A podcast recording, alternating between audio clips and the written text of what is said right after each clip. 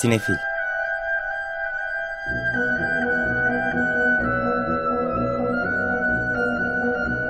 Hazırlayan ve sunanlar Melis Behlil ve Yeşim Burul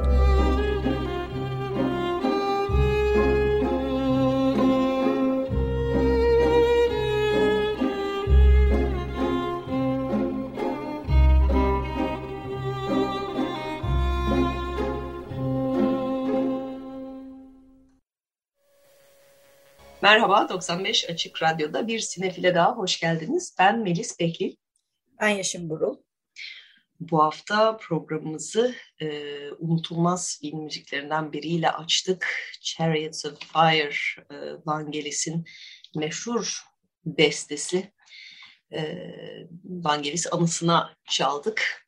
Kendisini geçtiğimiz hafta içerisinde kaybettik çünkü 17 Mayıs'ta 79 yaşında. Evet, Vangelis herhalde 20. yüzyılın ikinci yarısındaki en e, tanınan ya da son çeyreğindeki en tanınan e, film bestecilerinden biriydi. E, Yunanistan'dan e, çıkıp İngiltere'yi ve Hollywood'u fethetti diyebiliriz.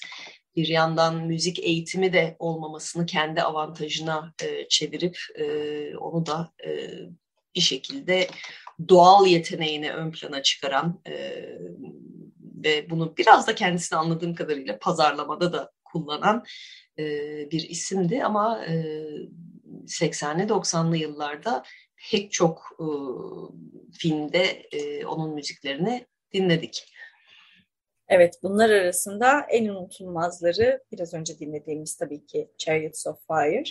Ee, tabii yine Blade Runner var. 82 senesinden e, unutulmaz müziklerden biri. Bir de Türkiye'de pek kullanılan e, bir müzik var. E, o da tabii kulaklarımızda çok yer etmiş. 1492 filminin e, müzikleri de ona ait. Ben bir de şahsen kişisel olarak Carl Sagan'ın Kozmos belgeselinin müzikleri e, unutulmaz bir biçimde hafızama e, işlenmiş durumda. E, belki o gençlik yıllarında çok etkilenmiş olduğum için içerikten bir de onunla çok uyumlu e, müzikler e, bestelemiştim.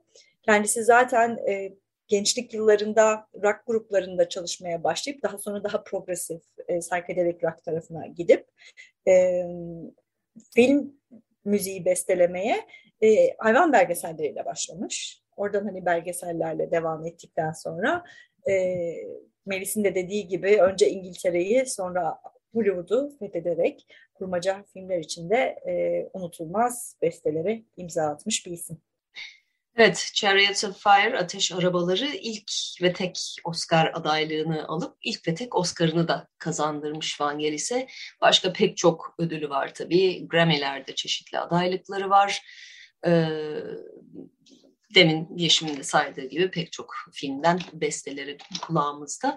Ve e, o yüzden bir parça daha çalalım dedik.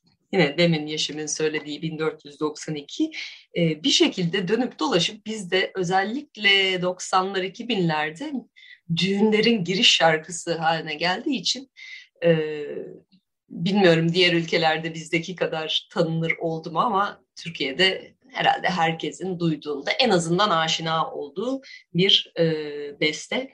Bir de onu dinleyelim ben geristen. Dinlediğimiz bir Vangelis bestesiydi. 1493 e, filmi Ridley Scott'un yönettiği 92 senesinden. Geçtiğimiz hafta kaybettik Vangelis'i. E, kendi besteleri... 1492 bu arada. e, böylece Vangelis'e hep birlikte veda etmiş olduk sinefil olarak. Sırada gelelim bu hafta vizyona yeni giren filmler. Bu hafta vizyonda aslında 11 film var ee, ama açıkçası hepsine de pek detaylı konuşmak istemiyoruz. Her haftaki birbirinin tekrarı e, cinli filmlerden, korkulu filmlerden bir hayli var bu hafta. Ama öne çıkanlar da var ki biz biraz onlara odaklanacağız. E, bunlardan bir tanesi geçen hafta Cannes'da çok şaşalı bir şekilde e, premierini yapan Top Gun Maverick.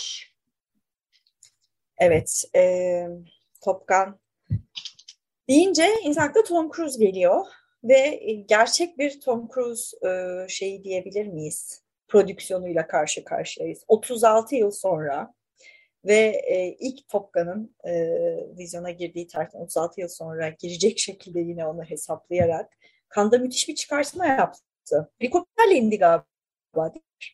Ee, bir takım şeyler yaptı evet böyle bir e, takım dublörlük numaraları falan. E, bu arada 36 yıl sonra girmeyecekti aslında. İlk planda 2019'da girecekti. Sonra hani bir takım gecikmeler oldu. 2020'ye ertelendi. 2020'de tabii sinemalar kapanınca e, streamingden girmeyi reddetti. E, o yüzden de 2022'yi buldu. Yani aslında 33 sene sonra olacaktı ki o da fena değil bir filmle devamı arasındaki süre olarak. E, Tom Cruise yine Maverick rolünde ve Val Kilmer da tekrar Iceman olarak karşımıza çıkıyor. Onun dışında kadroya eklenen isimler pek çok var ama öne çıkanlar Miles Teller, John Hamm ve Jennifer Connelly. Evet, e, çünkü Kelly McGillis'i geri çağırmamışlar. Evet, Kelly McGillis'in bu konuda bir takım yorumları da var. Hani kendiyle de gayet barışık, e, yüzünü de gerdirmiyor ve e, 60 küsur yaşında. Hollywood öyle işlemiyor e, demiş kendisi de. E, ama en azından hani şeyi ben e, takdir ettim sayılır. Böyle bir yaş şeyi olarak, farkı olarak yine mantıklı bir yerde kalmışlar. Jennifer Connelly de Tom Cruise'dan 8 yaş küçük karakterinden de öyle bir fark var galiba. Çünkü o kadar alışığız ki daha e, hani Hollywood'da böyle 60'larındaki adamlar ve 20'lerindeki genç kadınların e, romansına e, inanmamız beklenen hikayelere burada en azından daha anlaşılabilir bir yaş farkı var. Ee, Ama o romansın öbür tarafı bromance dersek Val Kilmer'la ikisini karşılaştırdığında orijinal Top Gun'ın işte hem rakip hem de sonra birbirini takdir ederek e, bir şekilde e, Maverick ve Iceman arasında bu filmdeki fark inanılmaz. Bu da bize Tom Cruise 60 yaşında böyle görünmeyi nasıl başarıyor, neler yapıyor soru işaretini getiriyor ki Val Kilmer yaşını gösteriyor çok net olarak. Hani 60'larında bir general filmde de. Evet, Tom Cruise e, yani vampir olduğu söylentilerine bile yol açacak kadar genç duruyor. E, şey de ben başarılı buldum bu arada e, kadroda Miles Teller'ın rol verilmesi ve tip olarak da Anthony Edwards'ın oğlunu canlandırıyor ilk filmde hayatını kaybeden en yakın arkadaşı Tom Cruise'un karakterinin. Ee, hem benziyor hem Miles Teller zaten iyi bir oyuncu. Ee, orada da iyi oturmuş onlar. Yani sonuçta 30 sene sonra hikaye devam ediyor. Önemli olan zaten uçakları uçuruyorlar, motorlara biniyorlar. Bu sefer voleybol değil, sahilde futbol oynuyorlar. E, çünkü şeyin ilk Topkan'ın kültleşen sahnelerinden biridir o e, voleybol e, sahnesi. Ve e, Kan'dan gelen haberlerde aslında bayağı pozitif genel olarak beğenilmiş. Bir de e, Yeşim'in demin dediği gibi bir e, Tom Cruise prodüksiyonu sadece başrolde değil hem zaten yapımcılardan hem de e, özellikle havadaki çekimlerde, yani uçak içlerindeki çekimlerde CGI kullanılmayıp yani bilgisayarda görüntü değil o uçakların içinde çekim yapılması için baskı yapmış. O yüzden de bütün e, pilot canlandıran oyuncuların pilot eğitiminden geçmeleri gerekmiş. E, havaya çıktıktan sonra kamerayı çalıştırıp e, indikten sonra anca yönetmene bakın bunları çektik diyebildikleri e, bir takım durumlarda e, epey bir uzamış o çekim işleri yani öyle de bir tarafı var. Tom Cruise'un biliyorsunuz kendisi her türlü şeyine e, stantını kendi yapıyor. Hepsini demeyelim ama ciddi bir kısmını yapıyor ve kendisi de pilotluk yapıyor aynı zamanda. E, tabii bütün bu hikayeler filmin PR'ında, pazarlanmasında da bizim şu anda anlatmakta olduğumuz gibi film hakkında da bir hikaye oluşturarak işe yarıyor. Filmin bir taraftan da ilk Top çeken yönetmen Tony Scott'a adandığını da söyleyelim. Aslında kendisi de vefat etmeden önce e, böyle bir devam filmi hazırlıkları içerisindeymiş ama maalesef ona nasip olmadı bu filmi çekmek. Evet, Joseph Kosinski onun yerine e, yönetmen koltuğunda Tom Cruise. Tom Cruise kendisi bizzat seçmiştir diye düşünüyorum. Evet, daha önce birkaç filmleri var. E, yani genel olarak dediğimiz gibi kan beğenildi. Hani aynı havada yine tabii ki e, Amerikan savunmasının desteğini alarak e, onlardan işte uçakları kullanarak vesaire. Çünkü e, hep şey konuşulur işte bu, bu filmi e, ordu yaptırdı, savunma yaptırdı.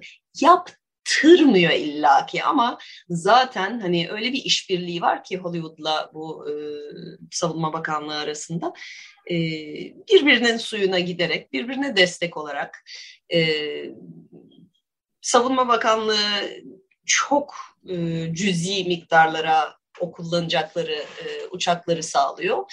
E, Hollywood'da buna uygun Savunma Bakanlığı'nın çok tersine gitmeyecek hikayeler e, anlatıyor. E, ve de Top Gun gibi işler çıkıyor ortaya. Tom Cruise'un da özellikle tehlikeli sahnelere ve o dublörlük gerektiren stunt sahneleri dediğimiz sahnelere yaklaşımı konusunda da çok sevdiğim bir anekdotu var. Ee, galiba o şeylerden Mission Impossible'lardan birinde ki muhtemelen bunu Top Gun için de yapıyordur. Ee, bir sahneyi özellikle belli bir şekilde çekmek istiyor. Çok daha etkileyici olacağını düşündü ama bir türlü bu e, stunt yönetmeni dediğimiz bütün bu tehlikeli sahnelerin de ayrı bir yönetmeni var. Çünkü o ayrı bir uzmanlık gerektiriyor. Yönetmen bu mümkün değil istediğin gibi yapmak demiş. Yani orada da gene CGI kullanmak istemiş. Hani bizzat e, biz oyuncular olarak ben bunu yapmak istiyorum diyor. E, stunt yönetmeni de ben senin güvenliğini garanti edemem. Bu çok riskli, bu çok riskli diyor. Ertesi gün şey yapmış. Bu stunt yönetmeni kovup e, yönetmeni bunu bana yaptırabilecek birini bulun demiş. Yani ben yapabileceğime inanıyorum. Sadece birinin nasıl yapabileceğimi e, çözmesi gerekiyor. Hani genel olarak konulara yaklaşımı bu şekilde Tom Cruise'un. E, Kandaki basın gösteriminde de basın toplantısında da e, bunu soranlara işte niye kendiniz yapıyorsunuz diye soranlara e, Gene Kelly'e niye dans sahnelerinde kendin dans ediyorsun diye sorar mıydınız diye cevap vererek büyük bir alkış e, almış. E, Tom Cruise yani tam işte o star kalitesini taşıyan oyunculardan hani belki dünyanın en iyi oyuncusu değil ki iyi performansları da var. Ben hala Manolya'daki performansına çok hayranım. Ee, ama hani özellikle de o star gücünü çok e, iyi kullanabilen bir e, oyuncu. Son büyük star diyebilir miyiz acaba Hollywood'u? Ne dersin? Ee, belki yani Brad Pitt de ona yaklaşıyor bir yandan yine o aynı gücü yapımcı olarak da kullanma vesaire olarak ama o da yan rolleri de mesela kendine alıyor. Tom, Tom Cruise hala böyle en merkezde e, franchise'larda, Mission Impossible'larda, Top Gun'larda devam ediyor. Evet. Top Gun Maverick'i anlat anlata bitiremedik ama bu haftanın en büyük yapımı. O yıllardır beklenen bir yapım diyebiliriz. Özellikle aksiyon severlerin e, mutlu olacaklarını, tatmin olacaklarını düşünüyoruz e, bu filmle. Şeyi de söyleyelim tabii, e, soundtrack'i de orijinal filmin çok e, beğenilmişti. E, çok popüler oldu parçalar. Filmin zaten ana teması e, çok da e, bence başarısındaki unsurlardan biriydi. Ama hani e, 80'lerde bu MTV ile film endüstrisinin iç içe geçişini anlatırken müzik e, videolarının filmlerden oluşmasını vesaire anlatırken ve bir filmde hem hikayeye işleyen hem e, kendi başına popüler olan şarkıları konuşurken verilen en önemli örneklerden biri Top Gun. Hani onu da çok başarılı yapmıştı. Yine o parçaların bir kısmı var, başka parçalar var. Lady Gaga'nın bu film için yaptığı, herhalde bu sene yine Oscar adayı olacağı e, şarkının ne olduğu önemli değil. Lady Gaga Top Gun'a şarkı yaptıysa Oscar adayı olur diye düşünüyorum. E, yine iddialı bir soundtrack'le de geliyor. Biz de bu hafta programımızın sonunda Tapkan'ın soundtrack ile veda edeceğiz size. Ancak daha oralara gitmeden bu hafta vizyona giren bahsetmek istediğimiz birkaç film daha var. Bunlardan biri e, Berlin'de çeşitli ödüller topladı e, geçtiğimiz aylarda Das Mädchen und die Spinne, Örümcek ve Kız Ramon ve Sylvain Zürher'in e, yönettiği filmde Henriette Confurius, Liliane Amuat, Ursina Lardi ve Florin Giger yer alıyorlar. E, böyle aslında tek mekan, az karakterli bir e, hikaye, biraz komedi, biraz e, insan ilişkileri, e, bir evden taşınmakta olan genç bir kadın e, ilk defa kendi başına eve çıkacak. Bir yandan o arkadaşlarıyla ayrılmanın gerilimi, bir yandan annesinin gelip işe karışması e, bu senenin festival gezen filmlerinden biri oldu. Evet, bir diğer festival gezen filmde e, bu sene My Sunny Maad, Benim Güneşli Maadım adıyla bizde gösterime giriyor.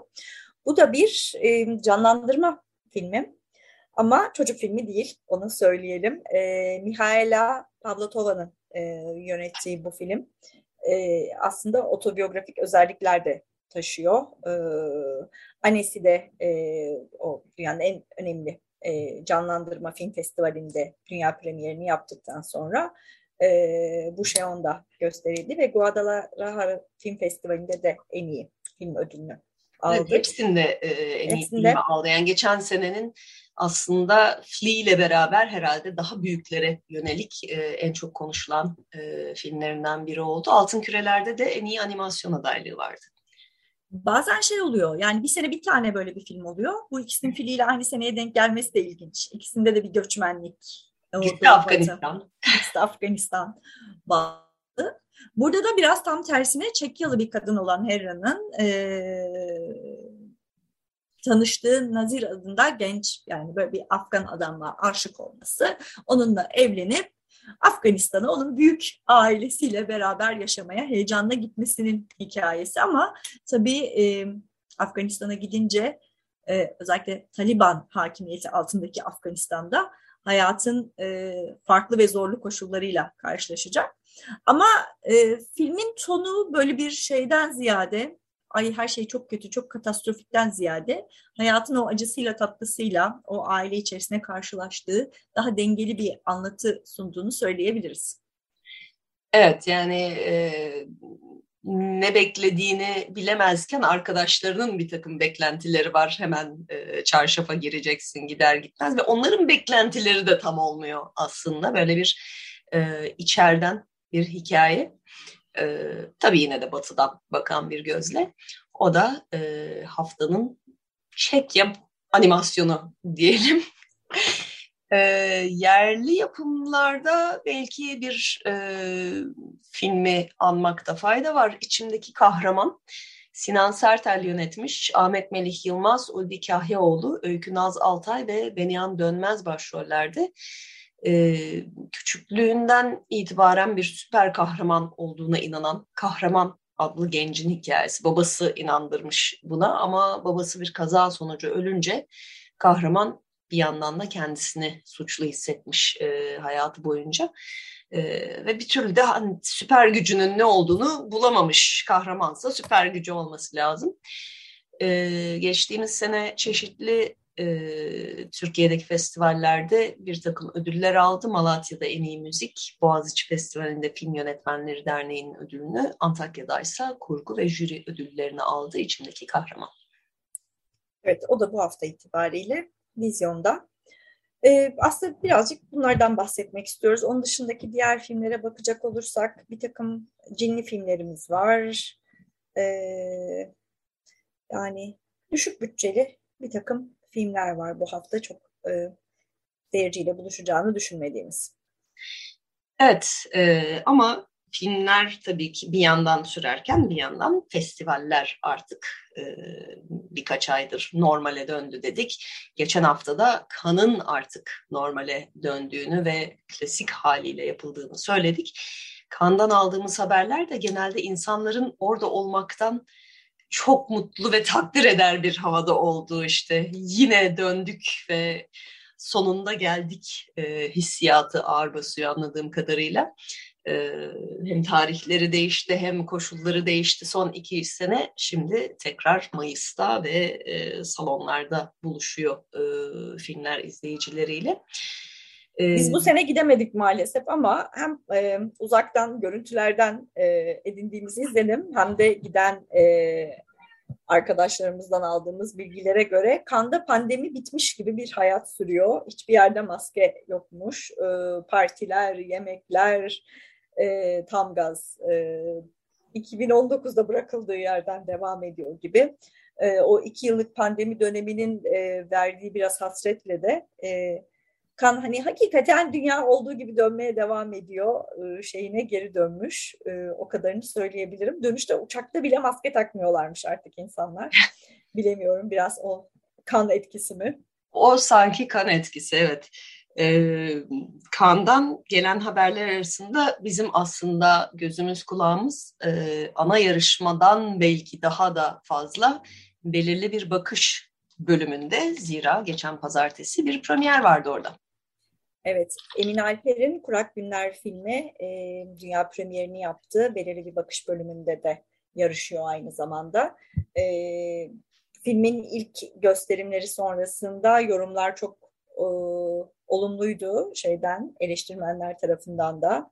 Oldukça uzun bir süre ayakta alkışlandığı e, ifade ediliyor filmin. E, Emin Alper'in bugüne kadar en iyi filmi diye yorum yapanlar var. Dolayısıyla biz de iştahımız kabarmış bir şekilde heyecanla ve merakla bekliyoruz. Belirli bir bakış bölümünün ödül töreni bu akşam gerçekleşecek. Dolayısıyla e, başarılar diliyoruz tekrar buradan. Ancak geçtiğimiz hafta bir filmin daha premieri yapıldı. Yine Türkiye bağlantılı. O da George Miller'ın 3000 Yıllık Yalnızlık filminin bir bölümü Türkiye'de çekilmişti. E, ve Türkiye'den oyuncular da yer almışlardı. Filmin başrollerinde aslında Tilda Swinton ve Idris Elba yer alıyordu. Ama onlara da Türkiye'den eşlik eden e, bir kast vardı ve bu kastı da e, yine e, sık sık adını andığımız e, Türkiye'nin günümüzde en iyi kast direktörlerinden Ezgi Baltaş yapmıştı. E, ve e, şeyde e, Türkiye'den oyuncular da filmin galasına katıldılar. Kırmızı Halı'da boy gösterdiler. O da hoş bir andı. Ezgi Baltaş Kurak Günler'in de castingini yaptığı için Kanda evet. iki filmi birden olan e, az sayıda insandan e, biriydi herhalde bu sene. E, bir de Lea Seydoun'un resmini görüyorum her yerde. Onun galiba yarışmada iki filmi var e, şu anda çünkü e, hem Cronenberg'in filminde e, hem de Mia Love o ana yarışmada değil ama yan bölümlerden birinde.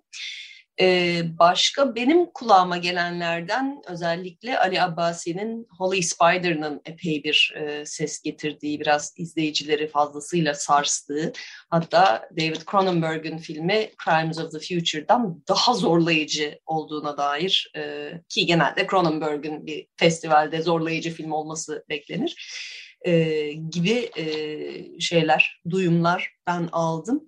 Onun dışında Kirill Serebrennikov, e, Tchaikovsky'nin karısı filmiyle yarışmada yine. O da e, zaten şey tartışmalarını biraz getirmiş beraberinde. Rusya'dan hani film olmayacaktı ama bir yandan zaten e, Serebrennikov daha önceki filmleriyle yarı, kanda olsa bile kendisi fiziksel olarak gidememişti. Çünkü e, Putin idaresinin e, uydurduğu bir takım suçlarla yargılanmakla meşguldü. En sonunda Rusya'yı terk etti geçtiğimiz aylarda.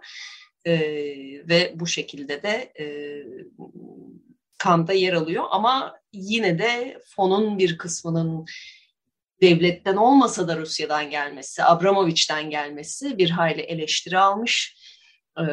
Kendisi de tam böyle bir e, klişe yönetmen şeyle ben paranın nereden geldiğini bilmiyorum sadece harcıyorum gibi bir cevap vermiş ki e, ihale eleştirildi bu sözleri. Ee, o zaman oradan da şeye bağlayalım. Kurak Günler'in premieri öncesinde sahneye çıkan filmin ekibi, e, başta yönetmen Alper olmak üzere, filmin yardımcı yapımcılarından e, Çiğdem Matere'de selamlarını ileterek e, aslında e, Kirill'in yapmadığını yapmış oldular bir anlamda. Çünkü Çiğdem Mater filmin yardımcı e, yapımcılarından biri ancak e, üç hafta önceki programımızda da konuştuğumuz gibi Gezi davası sonucunda çekmediği bir belgeselden dolayı, e, yapmadığı şeylerden dolayı suçlanarak, üstelik e, duruşmalara katılmak için pasaportunu iade edip Türkiye'ye geri dönmesine rağmen e, kaçma e, şüphesiyle tutuklanarak şu anda cezaevinde bulunduğu için filmin Kandaki gösterimine katılamadım. Emin Alper'in de söylediği gibi Çiğdem Mater şu anda bizimle birlikte burada değil ama aklımız ve kalbimiz onunla birlikte dedi sahneden ve çok büyük bir alkış aldı salondan.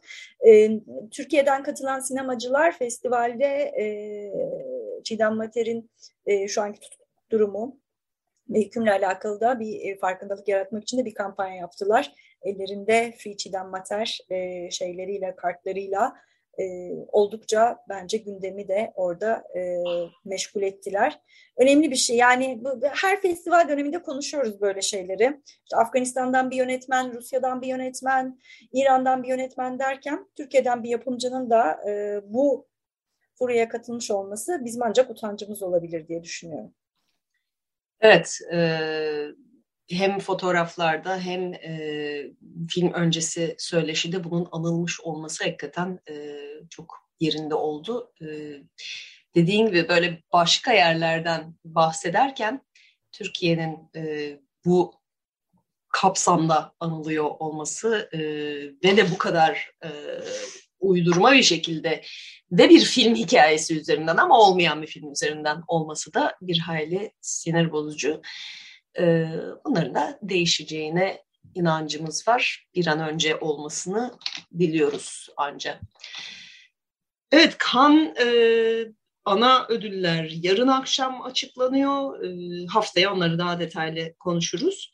Bir de bu hafta e, film dünyasında daha çok konuşulan şeylerden biri e, Netflix ve diğer e, streaming platformlarının nereye gidiyor olduklarıydı. Çünkü geçtiğimiz e, çeyrek Netflix e, dünya çapında 200 bin kadar e, abone kaybettiğini açıklamıştı. Aslında bu çok değil. Çünkü Rusya pazarından çekildiği için oradan ciddi bir sayı kaybetmiş durumda. Hatta artmış bile genelde ki e, 200 bin sadece kaybetmiş. Ama şimdi daha sonraki ikinci çeyrekte çok daha fazla kayıp vermesi bekleniyor. Çünkü pandemi artık kanda başta olmak üzere dünyanın dört bir yanında bitti kabul edildiği için insanlar da artık evde Netflix önünde vakit geçirmekten belli ki bir hayli sıkılmış oldukları için e, ciddi bir kayıp bekleniyor bu çeyrekte ve 150 kişiyi de işten çıkardı geçtiğimiz haftalarda. Evet. Yani bu arada Netflix'in global e, abone sayısı da 221 milyon. Onu da altını çizelim. Yani ciddi bir sayı. E, ama bir taraftan bir başka sorunları bu şifre paylaşımı meselesi. O konuyla alakalı bir çözüm oluşturmaya çalışıyorlar.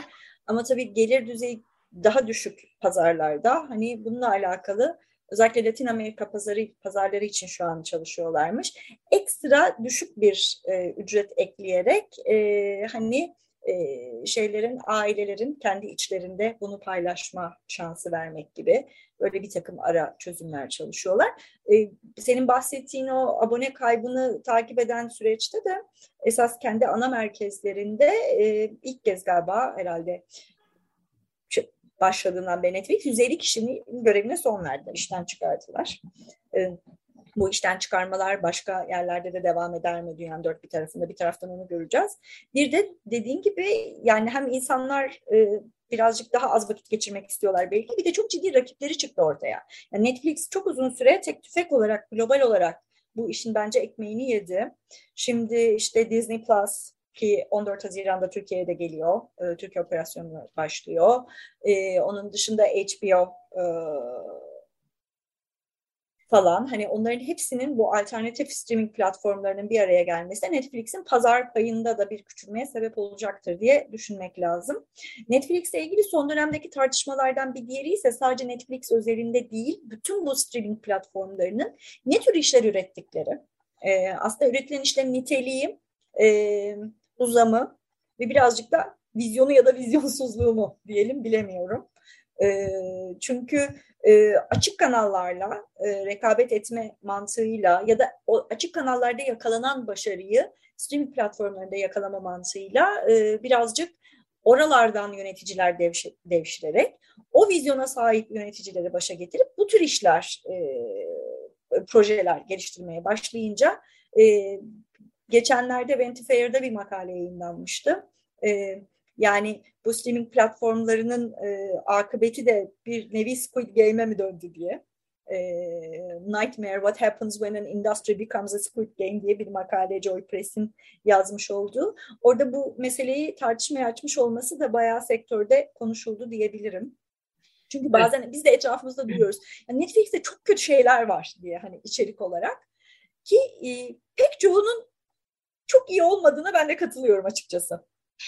Evet yani bu şey de pandeminin de bitmesiyle ve dediğin gibi rekabetin de artmasıyla bütün bu platformlar da farklı farklı gelir modellerini değerlendirmeye başladılar. İşte bu abonelik bazlı